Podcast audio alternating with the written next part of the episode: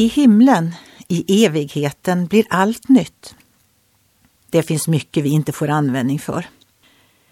En ung flicka som hette Kristin skrev Det kommer antagligen att vara ett välutvecklat socialt säkerhetsnät i himlen för läkare, gruvarbetare, sminköser, miljöaktivister, lärare, skvallertidningsjournalister, de som framställer spypåsar, poliser, kriminalvårdare, psykologer, läkemedelsföretag, irriterande byråkrater, kundtjänsttelefonister, parfymförsäljare, gråtande fruar, de som säljer dödsrunor och bomber och porrtidskrifter. Jag tror Kristin har rätt.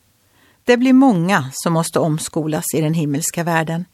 För jag tror att aposteln Paulus tänkte på evighetens nya sätt att leva när han skrev Alltså, om någon är i Kristus är han en ny skapelse.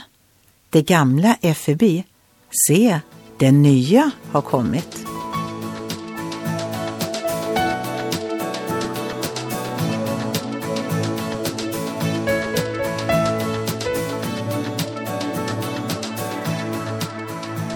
Ögonblick med Gud producerat av Marianne Källgren, Noria Sverige.